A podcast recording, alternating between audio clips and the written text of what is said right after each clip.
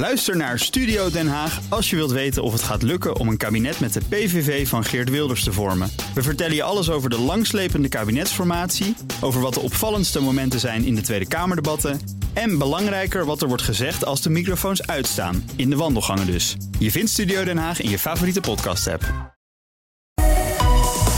BNR Nieuwsradio. The Big Five. Diana Matroos.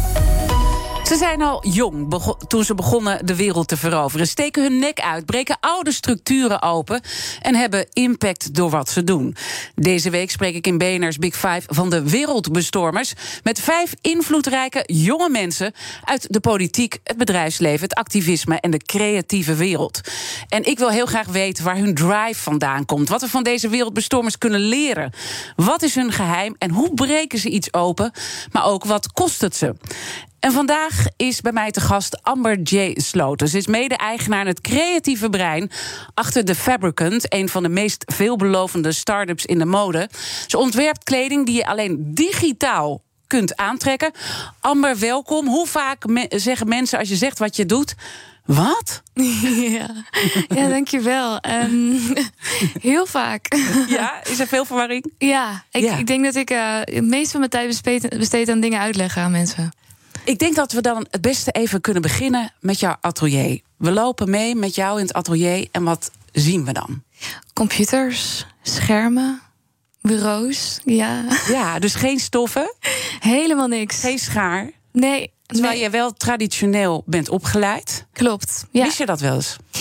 Eigenlijk niet. Ik heb het best wel los kunnen laten. Ja, want ik, ik moet zeggen dat uh, al, die, al die fysiekheid van de mode-industrie en fysiekheid van mijn modeopleiding, toen ik destijds nog op school zat, vond ik eigenlijk best wel irritant. Um, want ik heb, zeg maar, toen ik, ik moest altijd proefmodellen stikken uh, in mijn lessen. En dan moet je dat op een model laten zien. En ik moest dan door de gang heen lopen.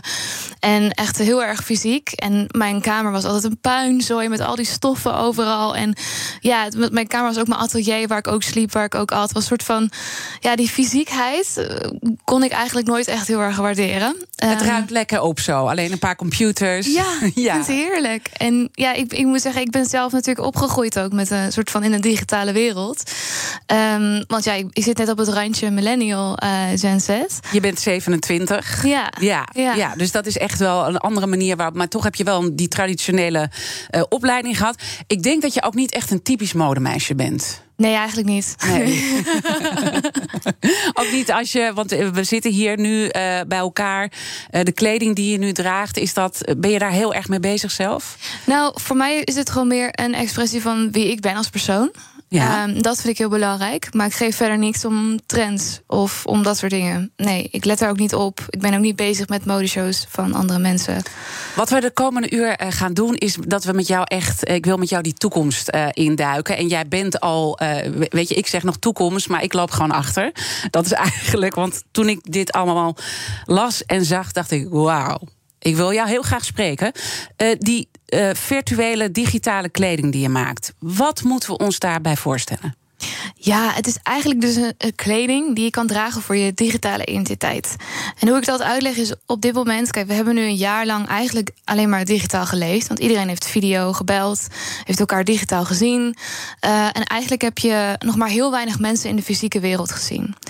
Dit was voor de pandemie nog best wel zoiets van: gaat dat ooit gebeuren? Maar toen het gebeurde, hebben we elkaar eigenlijk alleen maar als digitale identiteit kunnen aanschouwen. Um, en die digitale identiteit, dat wordt steeds belangrijker in ons leven. Op dit moment presenteer je met een foto op social media. Dus nou, je kleed je Instagram-profiel aan met foto's. Of je LinkedIn-profiel is weer anders dan je Tinder-profiel. Um, dus... dit, dit snap ik nog. Ja, ja. ja precies. LinkedIn doe ik anders dan uh, Instagram. Ja. En we, we, kennen natuurlijk ook allemaal filters die we kunnen gebruiken. Ja. Um, ben ik niet zo'n fan van, maar ik weet wel dat het gebeurt. Ja. Maar die virtuele kleding die gaat echt verder. Want beschrijf even, stel ik wil een virtueel uh, kledingstuk van jou hebben. Hoe gaat dat in zijn werk? Ja, op dit moment kun je het dragen op je foto's. Dus dat is de eerste uh, uitdrukking daarvan. Foto's en filters. Mhm. Dus uh, via ons Instagram, als je op ons Instagram gaat, kan je er nu al uh, kledingstukken van ons dragen. Um, via filters. Um, maar ook op je foto's. Dus je kan foto's aankleden van jezelf. Um, en dat dragen op social media. Dat kan via bijvoorbeeld een platform als dressx.com. Zij hebben een heel mooi platform waar je jezelf digitaal kan aankleden. Maar voor de rest kan het dus ook op je avatar. En als je een avatar hebt, dan kunnen we die aankleden. Um, maar heel veel mensen hebben dat nog niet. Dus dat is heel erg in ontwikkeling. En um, heel veel spellen zijn nu bezig. Spellen, maar ook um, heel veel digitale bedrijven zijn bezig met het creëren van avatars. En die avatars gaan ons representeren in de digitale wereld. Wauw. Ja. Dit, dit gaat heel. Ik, ik, wil nog even een paar stapjes uh, uh, met je terug. Want dit gaat echt heel ver. We krijgen dus allemaal een soort online alter ego. Dat stel ik me een beetje voor. Ja. Uh, met wat je nu beschrijft. Maar ik kan dus een foto van mezelf. Als ik zeg, nou, ik wil deze foto van mezelf. Dan kan ik dat uploaden met jouw kleding daarbij. En dan kan ik dat op die manier posten op Instagram bijvoorbeeld. Ja. Of op LinkedIn. Oké, okay. dat, dat is waar het op dit moment staat. Even terug naar jouw opleiding. Want je hebt het Amsterdam Fashion Institute gedaan. Ja. En daar wilde je al uh, dit gaan doen. Uh, waarom is dat idee bij jou ontstaan dat je dat wilde doen? Nou, op mijn opleiding kregen we al heel veel les over um, ja, hoe, hoe slecht de mode-industrie eigenlijk in zijn werk ging. Mm -hmm. um, ik heb destijds ook de documentaire The True Cost gezien. Is als, mm -hmm. ja, als mensen die nog steeds niet hebben gezien, echt ja. heel erg waard om te kijken. Ja. Um, ik heb hem gezien. Heel indrukwekkend. Heel indrukwekkend. Dan zie je alle verspillingen. Ja, ja. en chockerend ook. En natuurlijk de fabriek in Rana Plaza, die is ingestort. Volgens mij was dat in 2000. 15 of 13, zoiets. Mm. En dat was precies toen ik mijn modeopleiding deed. En ik had altijd het gevoel, zo van, wil ik in deze industrie um, nog meer toevoegen aan die hoop met kleding die er al is? Wat ga ik als ontwerper toevoegen aan, aan, aan dit geheel? Ik, ik, ik voelde een bepaalde soort verantwoordelijkheid. -hmm. Die ik moest nemen als, als ontwerper, als jonge ontwerper, om dingen te veranderen. Want het kon gewoon niet langer. En toen heb je dus gezegd ook op je opleiding: ik wil een digitale collectie uh, wil ik maken. Wat was de reactie? Ja, mensen dachten echt dat ik gek was. Ze keken me echt aan van. Ja, haal je hoofd uit die VR-bril, want het gaat nooit werken, weet je? Dat, dat, dat, ja, het, het is, kan niet moet, samen. Nee, je moet het aanraken, voelen. En voor mij was het zo'n logisch iets om, om je identiteit digitaal uit te drukken. Want ik heb vroeger ook veel gegamed. En daar heb ik natuurlijk al heel veel digitale karakters kunnen zijn. Dus ik had al het gevoel van, hé, hey, daar is iets. Maar als je het zelf natuurlijk nooit hebt gedaan, dan begrijp je niet wat dat is. Um, dus ja, ik denk dat dat in wezen mij heeft geïnspireerd om, om toch te zeggen van, ik wil digitaal afstuderen. Dus dit was eigenlijk uh, de uh, nieuwe wereld waar jij in zit, botste tegen die oude wereld. Boom. Ja, enorm. Ja, en ja. toen heb je toch doorgezet. Ja, klopt. Je hebt die digitale collectie gemaakt, cum laude afgestudeerd. De. Ja. ja. ja. en dan uh, ben je vervolgens nu de Fabricant uh, uh, ben je begonnen, heb je al een aantal jaar. Samen met jouw zakenpartner, Carrie Murphy. Ja. En hij, heeft, hij komt uit de filmwereld. Hoe hebben jullie elkaar versterkt? Ja, hij, ik heb hem dus ontmoet op mijn afstudeerevenement. En hij liep binnen op mijn afstudeershow. En hij dacht echt, wat is dit? Um, maar tegelijk was hij super gefascineerd. Um, en, en daarmee hebben, zijn wij gewoon gesprekken gestart met elkaar. En hij heeft zijn eigen motion graphics bedrijf gehad, heel lang. En heeft heel veel voor advertising agencies gewerkt. En um, ja, hij zag gewoon dat in de filmwereld... ging het allemaal van analoog naar digitaal. Mm -hmm. Al nou, wat was dat, 15, 20 jaar geleden. Alles soort van omgeschakeld naar digitaal. En hij dacht, ja, maar mode is dus nog heel fysiek.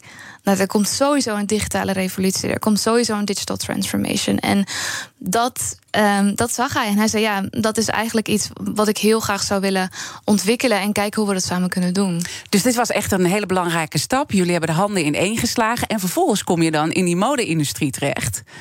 En uh, we weten al hoe de opleiding uh, reageerde. Hoe was dat in de mode-industrie? Wat weten zij wat ze met jullie aan moeten? Nee, echt totaal niet. Maar ik voel me soms af en toe... ja, het is heel lastig om...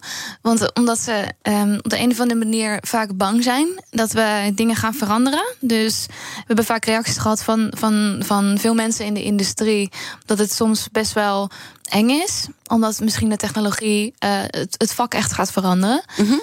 Ehm, aan de andere kant worden we vaak gezien als soort, werden we vaak gezien in, toen de tijd nog in 2018 als soort van haha grappig, maar ja, gaat niet echt heel veel doen of zo. Mensen laten me niet heel serieus. Geen mode. Nee, het is geen mode. Het is natuurlijk toch ook een beetje die modewereld. Dat zijn ook eh, enorme ego's natuurlijk. Ja, hè? Dat stel ik me dan voor. En die doen echt een beetje zo. Hahaha. Ja, het zal, Ja. Zo van, ja, het zal wel. En ik heb sowieso die arrogantie nooit echt geaccepteerd in de modewereld. Ik vond het vreselijk. Ehm, Goed. ja, ik vind het echt dat, eh, weet je, laten we gewoon een conversatie hebben, ehm, hart te hart. En ja, ik vind dat arrogantie vind ik altijd heel jammer. Ehm, maar ja, dus op de een of andere manier kwamen we wel veel weerstand tegen Mm-hmm. Omdat mensen best wel bang waren voor wat er zou gebeuren. Maar aan de andere kant ook wel veel nieuwsgierigheid. En waren mensen ook echt heel erg verbaasd van dat we dit konden doen met technologie. Dat we zo'n beeld konden creëren. ehm, wat zo emotioneel was. Waar mensen naar zaten te kijken waar ze niet wisten of het nou echt of nep was. En dat ze, dat ze er naar keken en dat ze dachten: huh, is dit 3D? Kan dit? En tegelijkertijd heeft het dus heel veel ehm, ehm, verbeelding eh, gebracht voor hen. Om te na te denken over hoe het ook anders kan. Ja, en, en intussen werken jullie dus ook eh, samen met grote merken. Ik noem even Puma, Adidas, Buffalo, Under Armour. Eh, die zijn ook echt wel wakker geschud nu door corona, denk ik. Wat jij net al eh, zei. Hè? We zitten allemaal te videobellen. We zijn veel meer digitaal. Ja, ja, het is gigantisch. Ehm, toen de pandemie ehm, eh, ja, eigenlijk begon, toen zijn heel veel merken naar ons toegekomen met: hey, kunnen we nog steeds iets doen? Kunnen we misschien een modeshow doen? Kunnen we misschien iets doen? Waardoor toch nog ehm, wij die mode kunnen laten zien. En veel merken kwamen voor een soort van eendagsvliegding waarvan ze dachten van nou even oplossen. Ehm, maar zo makkelijk gaat het natuurlijk niet.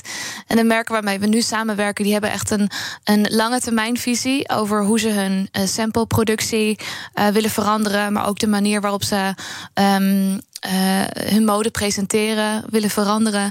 Dus ze hebben echt ehm, de ruimte genomen en geïnvesteerd in deze technologie. En zijn dus bezig met een strategie om hun bedrijf gewoon een stuk duurzamer te maken. Dus dat is een, een belangrijk punt waar je dan met ze zou kunnen samenwerken. Dat je de samples dan eh, digitaal eh, maakt. Hè? De, en nou ja, daar komen we straks nog wel op op die verspilling, wat dat voor impact kan hebben. Maar jullie hebben bijvoorbeeld ook voor Buffalo een schoen gemaakt die altijd in de fik staat. Ja. En, en dat is denk ik ook het mooie. Er zijn geen grenzen als het gaat om digitale mode. Ja, dit is eindeloos. En voor mij was het zo'n prachtige nieuwe opening voor creativiteit. Want in wezen is de modewereld wordt alles vaak gerecycled. Je ziet vaak heel veel trends die terugkomen. Ehm, en soms, ik heb het gevoel soms dat de creativiteit af en toe gewoon een beetje op is. En in die digitale wereld ehm, kan je gewoon eindeloos dingen creëren. Ehm, waar je allemaal dingen die je normaal gesproken nooit kan doen. Zoals nou, een schoen die in de fik staat. Maar ook, weet ik veel, een waterjurk. allerlei dingen waar, ja, waarvan je normaal gesproken dat nooit zou kunnen dragen. The Big Five. BNR Nieuwsradio. Diana Matroos. Deze week praat ik met vijf wereldbestormers. Morgen sluit ik de week af met ondernemer Jitse Groen van Thuisbezorgd. Mijn gast vandaag is digitaal modeontwerper Amber J. Sloten. Zij is het creatieve brein achter het digitale modehuis The Fabricant. eh, ook mede-eigenaar eh, van dit eh, modehuis. Dus ja, je hebt, eigenlijk zijn jullie flink de boel ook internationaal aan het opschudden. Verdienen jullie al geld? Jazeker. Ja, vanaf moment één. Ja, dat was voor, eh voor Carrie en voor mij allebei heel belangrijk. Dat we toch eh, dat we onszelf daarmee kunnen onderhouden. Ehm, maar ook dat, dat, dit, dat we nieuwe businessmodellen genereren. Want zo- zodra mensen zoiets hebben van ja, we kunnen hier geen geld mee verdienen, dan gaat er ook geen verandering komen. Dus het is heel belangrijk dat er altijd een soort systeem achter zit. Waardoor je dus wel ehm, geld kan verdienen. En Ik denk dat een omslag is geweest toen wij eh, een van onze kledingstukken hebben verkocht in 2019 eh, op een veiling. Ehm, dat was een digitaal kledingstuk. Dat werd geveild op de blockchain als een NFT. Ehm, en destijds eh, heeft iemand daar 9500 dollar voor betaald. Wie is dat die dat doet? Want Ja, dat is wel heel ja. veel geld ook meteen. Ja, precies. Ehm, dat is dus een eigenaar van een blockchainbedrijf. En die heeft het gekocht voor zijn vrouw als cadeau. Is dat niet Richard Ma? Ja, Richard Ma. Richard ja. Ma, ja? Ja, klopt. Ja. Ja. Ehm, en Richard Ma is, eh, is eigenaar van een, van een blockchain security bedrijf. En eh, hij heeft het voor zijn vrouw gekocht. En zij heeft het weer gedragen op haar Instagram en Facebook en al die plekken. We hebben haar gekleed zonder dat we daar ooit hebben gezien. En ze Ongelooflijk. En, en Ja. dit is dus ook precies, weet je, dit, dit, dit is dan nog, eh, ja, iets uh, outrageous wat er dan uh, gebeurt. En ik kan me voorstellen, heb je jezelf in je arm geknepen van wat er allemaal gebeurt eigenlijk nu intussen? Oh, ik vind het zo raar. Ja, ik, ik kan het zelf af en toe ook nog niet geloven um, dat je dan met zulke merken om tafel zit of dat je dan met zulke mensen praat of soort van dat er, e maar dat mensen echt het zien als een, als een, als een, als een verandering die, die uh, waardig is. Ja. En, en, en volgens mij hebben jullie ook een grote investering opgehaald. Ja, ja. Van Slingshot uh, Ventures, miljoenen opgehaald om dit dus echt uh, verder uit te bouwen. Dus het geeft ook aan dat die grote merken nu willen. Uh, weet je, dat, dat dit dus geveild is en dat je die grote investeringen hebt opgehaald. Dat er nog heel veel gaat gebeuren. En dan komen we dus ook even bij het punt. Wat ik nog een beetje moet verwerken, is dat jij volgens mij zegt dat we steeds meer een digitale identiteit gaan krijgen. Hoe ver gaat dat, denk je? Ja, dat ligt er heel erg aan hoe snel de technologie gaat. Um, maar het liefste zou ik zien dat wij straks onszelf in de echte wereld um, gaan kleden met duurzame producten die lang meegaan, waarvan we niet zoveel hoeven te wisselen tussen hoe we eruit zien. Maar dat de digitale wereld ons een nieuwe vorm van expressie biedt. Die die je bijvoorbeeld zou kunnen zien met lens, met een soort lens of met een bril. Um, want als je kijkt naar Apple, die is nu bezig met het bouwen van uh, AR glasses. Mm -hmm. En binnen telefoons zie je ook steeds meer een soort van um, ja, technologie waarbij je AR kunt zien. En het idee is dus straks dat er een soort digitale laag over de echte wereld heen komt. Um, waarin je een soort van niet meer een onderscheid hoeft te maken tussen digitaal en fysiek. Dus dat je niet meer ergens een computer in hoeft. Maar dat het, de digitale wereld om je heen is. En dat je het ook altijd kan zien. Dus als ik op dit moment dan naar jou zou kijken, dan zou ik bijvoorbeeld een digitale outfit kunnen zien die je draagt op dat moment. En die zou je ook per minuut kunnen veranderen. Dus wow. op de een of andere manier zou het ook veel meer een communicatiemiddel kunnen zijn, waarmee we met elkaar kunnen praten. Dan stel je voor je voelt je boos, nou dan kan je outfit wisselen naar iets waardoor je niet met iemand wil praten. Ja, of dat er vlammen uitkomen van precies. I hate you. Ja, precies. dus dat soort dingen. En ik denk dat dat zo'n mooi communicatiemiddel weer kan zijn, want daar is, daar is uiteindelijk wat mode voor waar mode voor is bedoeld. Om, om te spreken zonder woorden. Dus het begint nu nog uh, hè, dat je dus eigenlijk wat we nu wel kennen, dat je op Instagram bijvoorbeeld filters gebruikt voor je gezicht, om dat allemaal leuk op te fleuren. Uh, kan je dus nu ook dan die digitale kleding uh, aantrekken. Maar uiteindelijk gaat het dus echt een stap verder, dat het echt de echte wereld gaat bereiken. En dat dus eigenlijk maar één kledingstuk hoef te hebben waar ik alles overheen projecteer. Ja, in wezen. Ja. En ik denk dat zodra de technologie er is, dat dat een, een heel mooi nieuw medium kan zijn. En natuurlijk Um, waarschijnlijk gaat het in de echte wereld met een AR-laag gaat het, gaat het gebeuren met augmented reality. Maar ja, in de computer is ook nog steeds een waardige plek. Want soms heb je gewoon bepaalde soort plekken waar je moet zijn, um, digitaal. En dat, dat hebben we natuurlijk gezien met al die conferenties. Ja, dat is eigenlijk een heel mooi onderdeel dat dat nu allemaal digitaal kan. Dus ik denk ook dat dat nog steeds gaat ontwikkelen. Mm. Maar ik denk dat uh, augmented reality echt heel groot gaat zijn aan komende jaren. Ja, want we weten die VR-bril, daar zagen we onszelf niet mee oplopen met zo'n enorm nee. uh, ding. Maar er komen natuurlijk andere dingen en dat gaan we dan wel doen met lenses, inderdaad, wat je zegt. Ja. En dan kan dit uh, dus ook. Werk je zelf ook aan die technologie? Nee, wij maken die technologie niet zelf, maar we werken wel veel met partners um, die die technologie verschaffen. Dus mm -hmm. we hebben partners als Snapchat, um, maar ook werken ook met Instagram, met heel veel soort van um, bedrijven die dat soort technologie uh, verschaffen. Ook Viking AR. Zij doen schoenen, digitale schoenen. Uh, dus de Buffalo schoen die we nu hebben gecreëerd, kan je ook nu vanaf ons Instagram dragen uh, met Viking AR. Dus je begint eigenlijk uh, dus op te bouwen vanuit de, de social media platformen. Zodat je dus filters gaat krijgen. Niet alleen om je gezicht op te fluffen, maar dat je dus ook die digitale kleding daaraan kan toevoegen. Ja, 100%. Ja. ja. En als ik dan toch even met je in die toekomst uh, ga. Want aan één kant denk ik, wauw, het is e- inderdaad wat je zegt, expressie. Ik kan veel meer een kunstenaar worden, ook zelf. En, en, wat, en, en de switchen in een gesprek. Ik vind het ook wel eng dat die fysieke identiteit en die uh, virtuele identiteit veel meer uit elkaar gaat lopen eigenlijk. Ja van wie ben je nou zelf nog? Wat, wat, wat is je kern? En wat zijn alle filters en lagen die je dus ook naar die fysieke wereld brengt, die je eraan toevoegt? Ja. Worden mensen daar dan niet ook ongelukkig van, denk je? Het zou heel goed kunnen, maar ik denk in, in wezen dat ook de verantwoordelijkheid ligt bij jezelf. Ik denk dat heel veel mensen um, op een bepaalde manier um, ook vaak ongelukkig zijn met wie ze zijn als persoon. En dan zoiets kunnen gebruiken mm -hmm. uh, om, om jezelf. Um, beter te voelen. Maar ik denk, um, zodra er meer acceptatie komt voor hoe iedereen is zoals ze zijn. En zodra iedereen zichzelf ook meer gaat accepteren zoals ze zijn.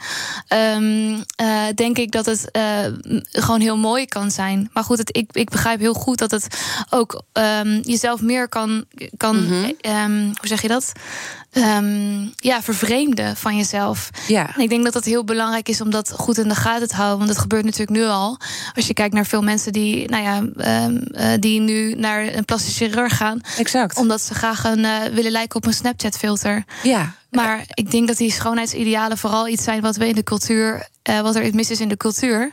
En waar we met z'n allen over moeten praten. Ja, want wat, dit is precies het, uh, wat je zegt. Het is nu al een probleem. Er is ook de Britse ethicus Heather Widows. Die ken jij, neem ik aan ook. Want die heeft ook nou ja, zich heel veel hierover uitgesproken. Over ons schoonheidsideaal. En zij zegt de schaamte voor hoe we in werkelijkheid uitzien neemt toe. Eén op de twaalf jongeren laat zich inmiddels behandelen door cosmetisch artsen. Hè. Dat begint ja. ook steeds vroeger. Dat zal jij ook om je heen merken, denk ik, bij, bij ja, jongeren. Zeker als je niet uh, fashionwereld. Dus, dus hoe moeten we dan dat gesprek voeren als we dus inderdaad die kant op gaan, wat nu al aan de hand is? Wat voor gesprek moeten we dan met elkaar hebben? Ik denk dat het vooral moet gaan over dat iedere schoonheid schoonheid is.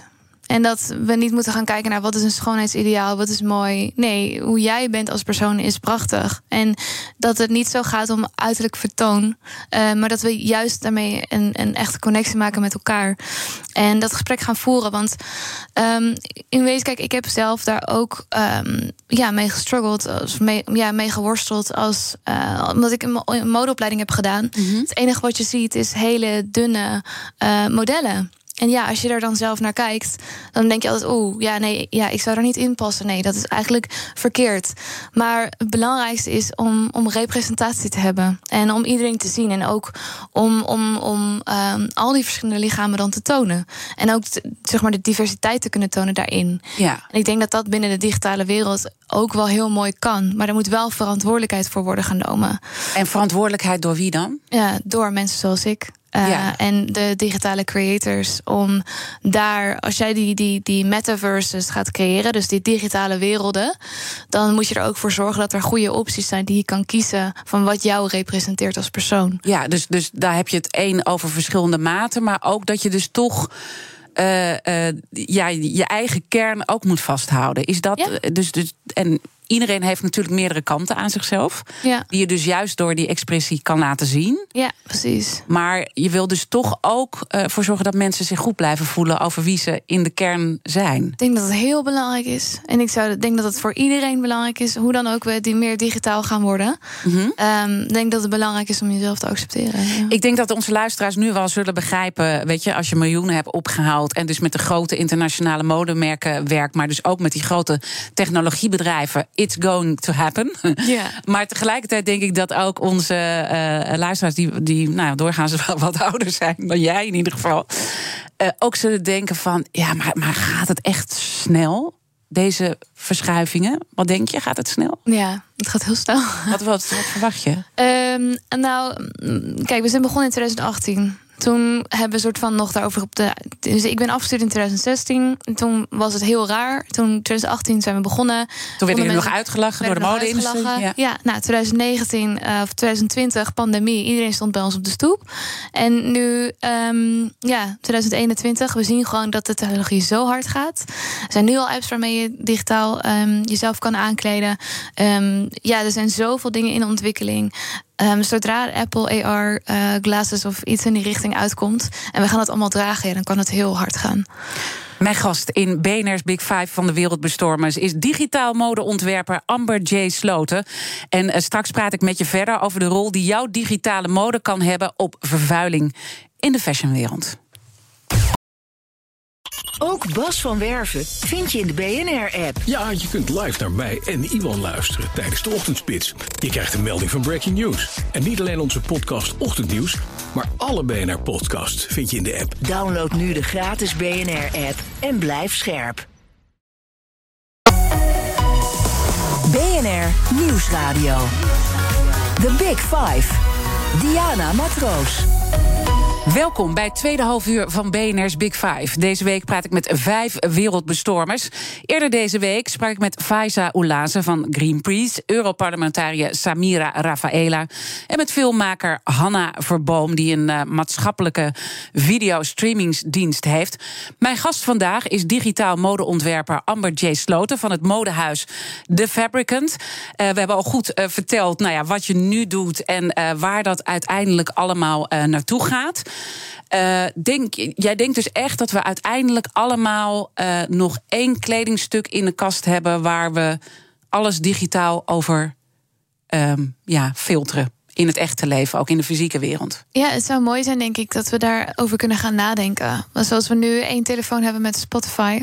Uh, waarin we vroeger allemaal cd's hadden, hebben we misschien uh, in de toekomst wel gewoon een kledingkast met misschien heel weinig fysieke kledingstukken, of alleen om te houden, uh, als een soort mooi aandenken. Maar daarnaast drukken we onszelf uit in de digitale wereld. Ja, ja en, en, en jullie werken dus ook al samen met een grote modemerken. Aan de andere kant denk ik, als jij echt dit beeld schetst, daar zit de mode-industrie natuurlijk helemaal niet op te wachten. Ja, Tenzij ze, het, het, het, ook beter voor, voor, voor hen is. Ik denk dat zodra ze zeg maar, uh, ontdekken dat het misschien ook wel uh, goed is um, uh, voor hen om, om digitaal dingen te kunnen gaan verkopen. Als het zeg maar, voordeliger is en beter voor het milieu en de kosten bespaart. Kijk, dan is het natuurlijk best wel slim om daarin te investeren. Ja, want als je eigenlijk nu kijkt naar de modewereld, die zijn aan het overleven. Hè? We zien ook heel veel modebladen die omvallen. Ja. Die hele industrie is eigenlijk aan het wankelen. Klopt. Ja. ja. Dat dus... is door de pandemie enorm aangeschud. En weet je wat het lastig is? Als je een heel groot schip bent, een heel groot merk. Heel, ik vergelijk dat met schepen. Dan is het altijd heel lastig om dan te draaien. Het is veel moeilijker om dan in jezelf te veranderen als merk. Als je al zo groot bent. En als je kleiner bent, dan kan je daar wel verandering in brengen. Wij zien onszelf best wel als soort van een, een, iets wat wendbaar is. En daarmee ja, kunnen zijn een start-up natuurlijk. Ja, ja. precies. Dus daarmee kunnen we merken wel heel erg adviseren om anders te gaan denken. En, en hoe gaan dan dat soort gesprekken? ontdekken. Nou, het is vaak uh, eerst uitleg van wat het kan betekenen. En daarna is het soort van: oké, okay, uh, maar hoe gaat dit uh, voor ons werken? En mm -hmm. soms zien modemerken er echt wel potentie in. Vooral als hun doelgroep meer gericht is op jongere generatie. dan zien ze al helemaal een hele mooie, ja, een heel mooi doel. Zoals ja. met Buffalo Shoes, dat wordt vaak gedragen door best wel een jongere generatie.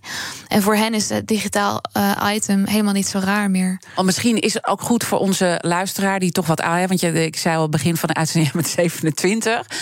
Uh, dat ze het misschien wel onze luisteraars ook zullen herkennen bij hun kinderen, die uh, steeds vaker geld vragen voor avatars voor de digitale kleding. Ja, ja als, als, als, uh, als je kind Fortnite speelt, nou, dan heb je misschien wel eens gemerkt dat ze wellicht de creditcard willen lenen om een skin te kopen. En nou, dat is precies wat digitale items zijn. Um, dat is vaak soms wel voor jongeren belangrijker wat ze dragen in de game zelf, de avond voordat ze naar school gaan, in plaats van de schooldag zelf. Dus daar zie je al echt die verandering uh, op gang uh, komen. Uh, dan gaat het over, je, je moet laten inzien dat die modehuizen er baat bij hebben. Hè? Dan willen ze wel veranderen. De verandering gaat moeizaam. Maar ze willen het wel. In welke aspecten zit dat? Bijvoorbeeld de sample collecties? Ja, bijvoorbeeld sample-collecties worden de hele wereld overgestuurd. Um, ja, zo, heel grote merken die hebben misschien wel tot 150 sample-collecties per uh, collectie die de hele wereld over, over worden gescheept. Mm -hmm daarom zie je ook heel veel sample sales van bepaalde merken. Waarbij je dan heen kan gaan om de samples te kopen, et cetera. Er is altijd maar één maat. Uh, wat ook heel lastig is.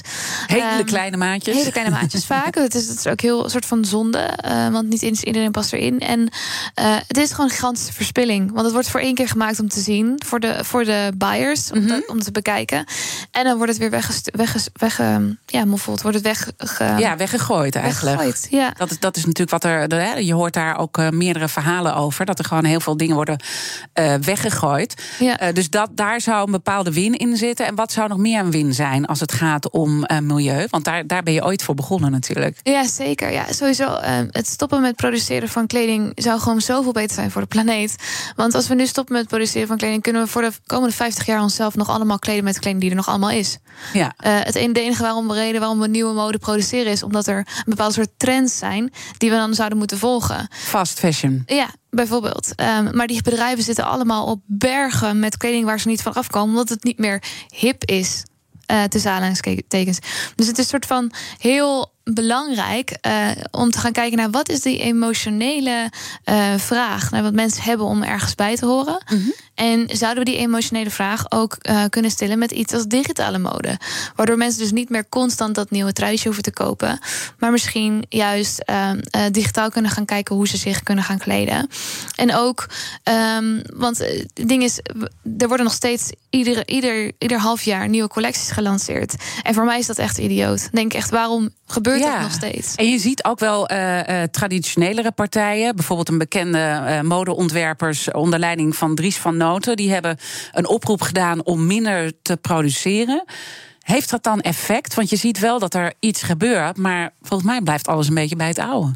Ja, um, vooral voor, voor grote modemerken. Kijk, ik denk dat ze zo lang doorgaan totdat ze door kunnen gaan op de oude manier. Uh, wat heel jammer is, want dat is gewoon de manier waarop ze altijd hebben geopereerd. Um, maar zodra ze zien dat de verandering echt gaat komen, dan moeten ze wel. En op een gegeven moment komt er een soort punt waarop je. Uh, kijk, je hebt het ook gezien met Kodak. Kijk, op een gegeven moment... bekende uh, filmrolletje verhaal. Ja. bekende filmrolletje verhaal. Op een gegeven moment moet je gewoon overstag. Want je, je, je, kan gewoon niet, niet zo langer doorgaan zoals het altijd is gegaan. Dus wij hebben het gevoel dat dat op een gegeven moment gaat komen. Ja. Um, en we hopen en waar dat merk je dat nu al aan dat dat echt wel gaat komen snel? Um, nou, we zien nu al dat uh, steeds meer uh, jongeren ook ervoor kiezen om niet te kopen bij grote modeketens, maar juist online uh, vintage te gaan winkelen. Mm -hmm. Dus platforms als Depop zijn echt gigantisch populair. Um, die mensen die verzamelen dus ook ja, tweedehands items en die verkopen ze dan ook via online platforms. En ja, het zijn gewoon hele mooie dingen die nu gebeuren. En heel veel jonge generaties vragen ook echt waar kleding is gemaakt. En, en, en, en waar het vandaan komt. Die vinden dat heel belangrijk. Want toch misschien nog goed om even te schetsen uh, hoe milieuvervuilend is die industrie. Ik bedoel, neem even een spijkerbroek, hè, die we allemaal graag dragen. Uh, wat komt daar voor vervuiling bij te pas? Zoveel. Er is ongeveer 6000 liter water nodig überhaupt voor een uh, spijkerbroek om te maken. Maar sowieso katoen is gewoon enorm milieuvervuilend. Um, ook indigo, wat zeg maar niet echt echte indigo is, maar vaak een, een, een synthetische indigo. Mm -hmm. Daar zitten ook heel veel gifstoffen in. Die worden vrijgelaten in het water, in het drinkwater, in allerlei plekken. En zodra je dat kledingstuk klaar bent met het kledingstuk dragen, um, dan wordt het ook weer een soort van weggegooid op een hoop met, uh, met kleding in een landfill. Um, dus op een soort vuilnisbelt. En dat gebeurt vaak in landen als Afrika, waar, waaraan heel veel, soort van in, sorry, in, in landen als Ghana, waarin heel veel um, afval wordt naar, naar wordt verscheept. En dat is echt heel erg. Want er, een vriendin van mij heeft er onderzoek naar gedaan, mm -hmm. uh, Linda Valkeman. En die heeft een overwand gevolgd, uh, die helemaal vanuit Nederland naar Ghana is gegaan. En daar zie je echt een gigantisch. Um, ja, dat, dat, dat textielafval daar terecht komt. Ja. En het is zo erg. En, en dus ook al die kleding die over is, omdat we dus in die fast fashion uh, zitten. en iedereen heeft dan ook de neiging van: oh, ja, ik wil mijn kleding wegdoen, dus ik stuur het maar naar de arme landen. Ja. Maar die hebben echt gewoon te veel intussen, toch? Met al die ja. kleding daar. Ja, want het helpt helemaal niks. Want het, het, het, voor, voor hun economie is het ook helemaal niet goed. Uh, want in wezen zijn jonge modeontwerpers daar. Dus echt kunnen alleen voor hele hoge prijzen dingen verkopen. Uh, want ze kunnen gewoon niet op tegen die tweedehands kleding die uit, uit, onze, uit Nederland komt. En, en um, ja, het is gewoon een gigantisch probleem. Want ook al kijk je naar een soort van vuilnisbak waar je je kleding in gooit, dan alsnog is dat niet een goede plek voor je kleding om terecht te komen. Mensen denken van, oké, oh, ik gooi het weg. En het ik ben wordt, er vanaf. Ik ben er vanaf. Maar dat is niet zo. Nee. Het beste is gewoon om gewoon te stoppen met kopen op die manier. Ja, ik, ik voel me echt enorm aangesproken, want ik hou echt van kleding. Ja, en van schoenen ook. en van tassen. En, en uh, jij ook, want anders was je dat vak niet uh, ingestapt. Ja. Maar hoe ziet jouw uh, kledingkasten dan uit, digitaal en fysiek? Ja, ja ik, ik probeer het echt te beperken. Dus ik heb vooral echt tweedehands kleding items waar ik lang mee doe. Um, op dit moment draag ik nou, Dries van Noten toevallig. Um, maar ja, een soort van items die, die je mooi vindt, die echt waar je lang mee kan doen, is echt veel beter. Want het maakt niet uit als je toch nog wel een jasje koopt hier en daar. Maar dat maakt niet uit. Het gaat meer om dat je gewoon iedere keer constant weer, ieder seizoen je kast uh, helemaal vernieuwt. Dat zijn gewoon dingen die eigenlijk niet meer. Het is eigenlijk ook een beetje emotionele armoede. Hè? Klopt, ja. Ja, want, want eerder zei jij van die, die, die grote modehuizen. Die gaan wel overstag als ze zien dat wij ook eh, als we onze emotionele behoeften begrijpen. Want waar komt die emotionele armoede vandaan, denk je? Dat we dat toch eh, eh, niet iedereen, hè, maar er zijn gewoon veel mensen die veel elke keer maar kopen, ook nog eens voor heel weinig geld. Ja, het is een, het is een emotionele ehm, ja, leegte op een bepaalde manier. Die probeert te vullen met spullen. En ik denk dat dat is iets, iets is waar we naar moeten kijken. Ik bedoel, ik ben er zelf ook schuldig aan geweest. Ik mm -hmm. weet, mensen in mijn, omgeving zijn er ook schuldig aan. Het is een bepaald soort leegte die, die je voelt, die gevuld kan worden met spullen, denk je. Maar dat is mhm. eigenlijk niet zo. Want waar komt dan die leegte vandaan? En dat vraag ik ook omdat ik wat ik altijd zo mooi vind aan de fashionwereld. Jullie zijn creatieve kunstenaars. En heel vaak eh, zie je ook wat in de kleding gebeurt, zegt iets over wie wij als mensen zijn. Jullie zijn eigenlijk daarin trendzettend, hè, als het goed is. En nu worstelt een beetje die oude wereld richting die nieuwe wereld. Eh, ja, help, help me. Van waar, waarom zitten we daar? Waarom hebben we dus die emotionele armoede? Ik denk dat het komt eh, omdat we in wezen ehm, best wel los zijn gekomen eh, van elkaar allemaal. En ehm, ik, ik hoop heel erg dat die connectie met elkaar weer gelegd kan worden. Het is best wel een soort van een, een, een ding van: oké, kan ik ergens bij horen, ja of nee? Moet ik dit dan dragen om, om, om leuk te zijn of om erbij te horen?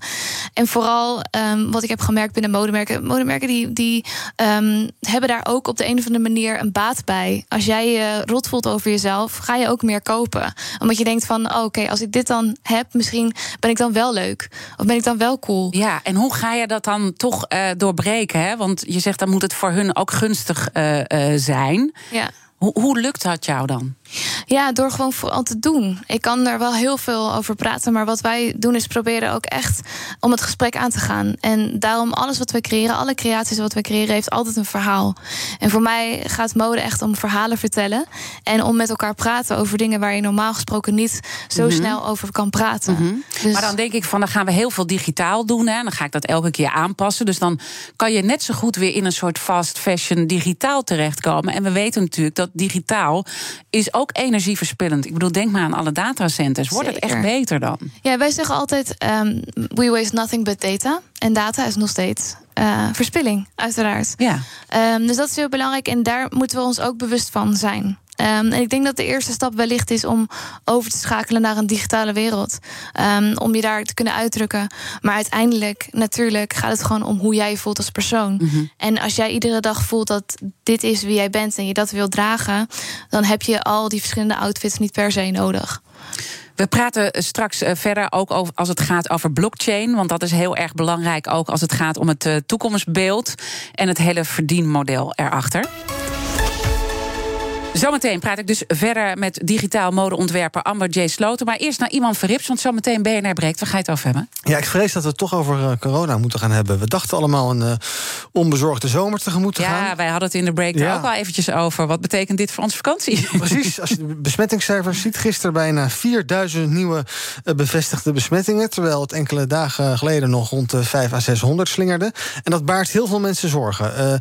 De jongen die een spoedadvies aan het OMT aanvraagt, uh, horeca zaken die uit eigen beweging hun zaken weer sluiten. Nou, dat hebben we ook niet eerder gezien. Eh, Kamerleden inderdaad die vrezen voor de zomervakantie. Zijn wij nog wel welkom in andere landen? En als we terugkomen, hoe moet dat dan? Eh, je merkt dat het heel veel onrust veroorzaakt. Aan de andere kant, vooral jongeren raken besmet. Die komen doorgaans niet in het ziekenhuis. Je zou denken dat de kwetsbaren inmiddels ingeënt zijn. De ziekenhuizen stromen nog niet over. Dus hoe zorgelijk is dit nou eigenlijk? Ons breekijzer vandaag is... de paniek om oplopende besmettingscijfers is voorbarig. Ik ben heel benieuwd hoe eh, luisteraars daar naar kijken vinden het ja, zorgelijk dat er meer mensen ziek worden. Want ja, die worden toch ziek, dus die zijn misschien een paar dagen thuis, voelen zich niet lekker. Eh, er komen alsnog natuurlijk mensen in het ziekenhuis. Maar vind je dat zorgelijk? Of denk je, ja, we moeten toch een beetje leren leven met het virus. Net zoals we dat misschien met griep accepteren, dat we dat elk jaar een beetje krijgen. En dat er ook elk jaar mensen aan doodgaan. Uh, eh, maar ja, denk ook aan de economie. Nou, heel veel aspecten. Ons breekijzer dus. De paniek om oplopende besmettingscijfers is voorbarig. Luisteraars kunnen reageren eh, door te bellen naar 020 468 4 0 020 4684 0 Over een minuutje of 13 gaan we beginnen met eh, BNR Oké, okay, dankjewel. BNR Nieuwsradio. Nieuwsradio.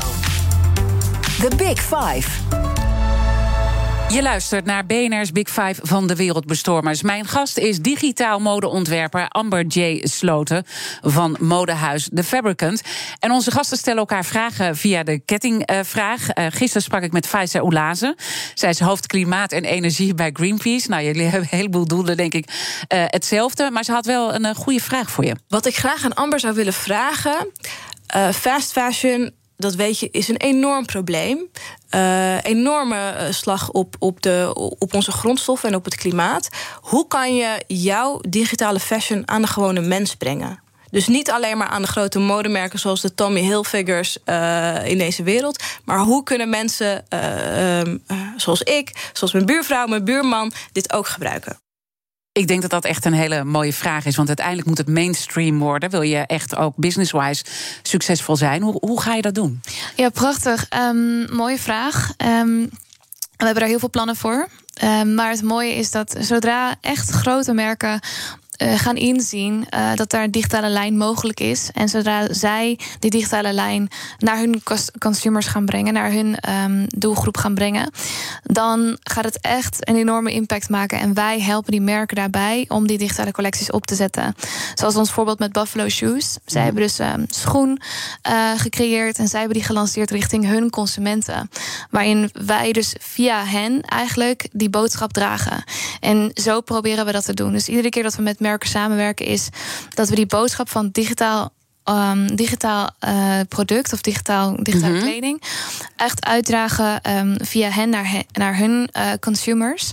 En natuurlijk ook onze eigen kleding. Ja. Maar via hen hebben we eigenlijk veel grotere impact. Ja, en, en, en, en uh, ik denk ook wel dat digitale influencers die er nu al bestaan. Hè, je hebt geloof ik, hoe heet ze, Shudu? Ja, Shudogram, ja. Ja, ja. Shudogram.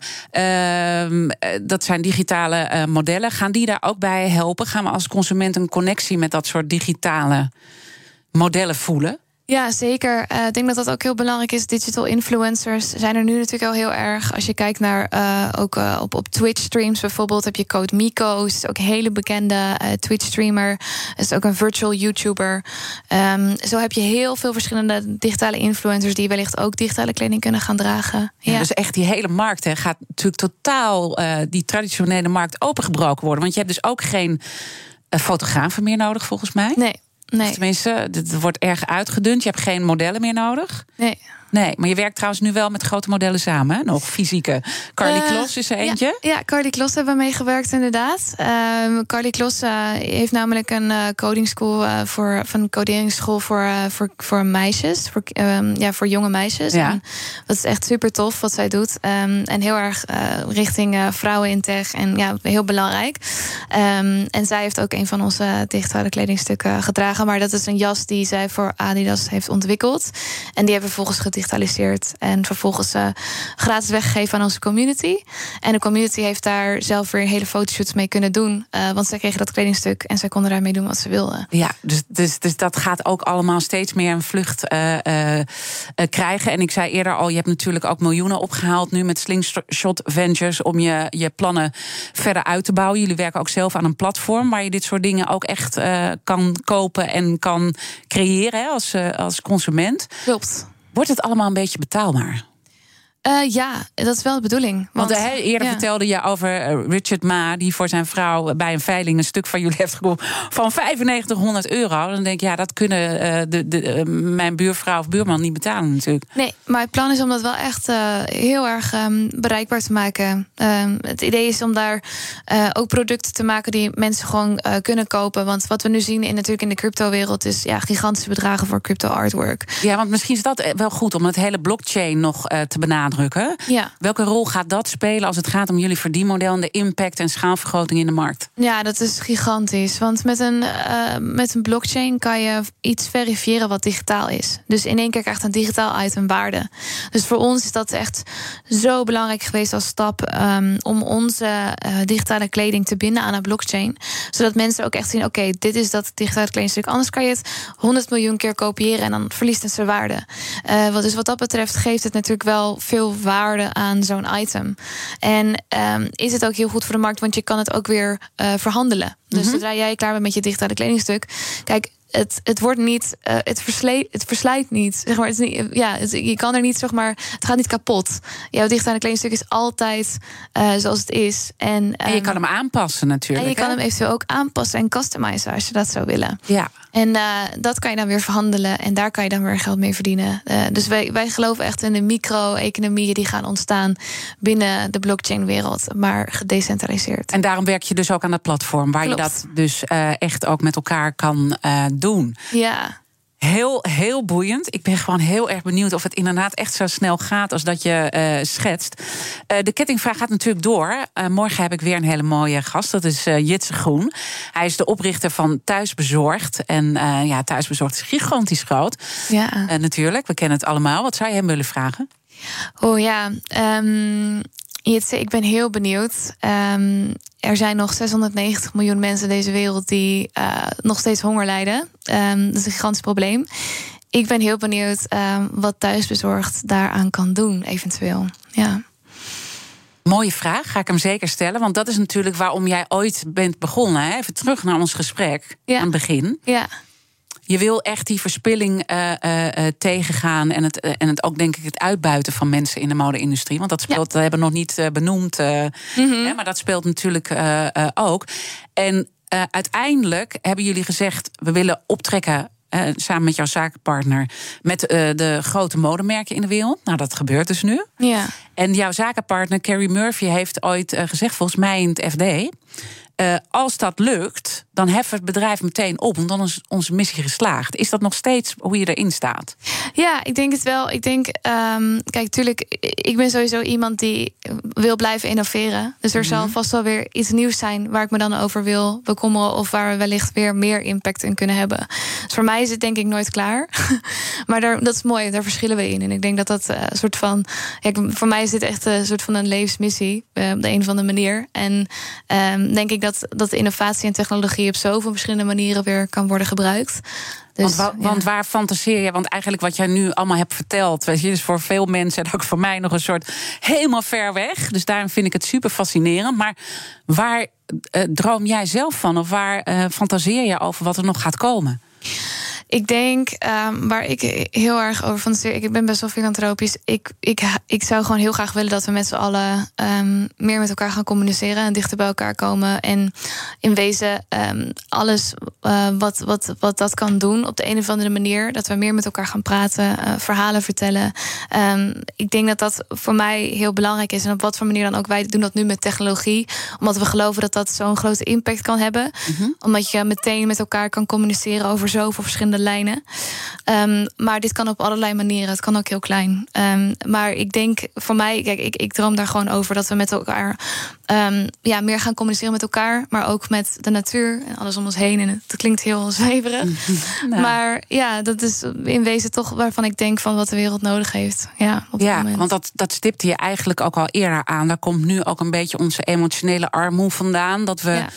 Uh, ik, ik, heb Ines Wesky laatst geïnterviewd, uh, topadvocaat. En uh, zij heeft ook nou, een heel kunstzinnige benadering van haar vak. En zij zegt dan: we zijn allemaal een beetje spullenbazen geworden. Mm, het gaat ja. ons alleen maar over spulletjes hebben. Klopt. Ja. ja en ja. dat is ook wat, wat, wat jij volgens mij. Ja, wat is die, die, die emotionele connectie die we met elkaar kunnen hebben? In plaats van het nodig hebben van producten. Ja, ja. zeker. Ja. En daar, daar past dan toch ook weer jouw uh, bedrijf bij. En het, het, het, merk waarmee je echt nog wil samenwerken. Waarvan je zegt, als ik die over de streep kan trekken, wauw. Oeh, lastig. Traditionele mode-industrie is voor mij uh, sowieso heel lastig. Maar ik denk um, een merk als Gypsy Sport. Heel, vind ik heel cool. Zij doen heel veel um, ja, coole shows in New York. Met echt fantastische modecast en al die dingen. Dus zij zijn misschien wat minder bekend. Maar, ja. En wat is er dan fantastisch aan wat zij doen? Ze hebben echt de meest diverse modellencast die ik ooit heb gezien. Um, uh, ja, en het is zo mooi. De mode die ze maken is voor alle lichamen, alle soorten mensen. En het is echt fantastisch. Dus dat is voor mij heel inspirerend. Ja. Ik ga je blijven volgen en ik wens je heel veel succes met jouw uh, business. Uh, digitaal modeontwerper Amber J. Sloten van modehuis The Fabricant. En natuurlijk zijn alle afleveringen van BNR's Big Five zoals altijd terug te luisteren. Je vindt de podcast in onze BNR-app en natuurlijk op bnr.nl. Maar blijf vooral live. Straks Ivan Verrips met BNR Breekt over corona en onze vakanties. Ja, we moeten het er echt weer over hebben. Mooie dag. Ook Harm Edens vind je in de BNR-app. Je kunt BNR Duurzaam niet alleen live luisteren in de app, maar ook terugluisteren als podcast, zoals al onze podcasts. En naast dat de BNR-app Breaking News meldt, houden we je ook op de hoogte van het laatste zakelijke nieuws. Download nu de gratis BNR-app en blijf scherp.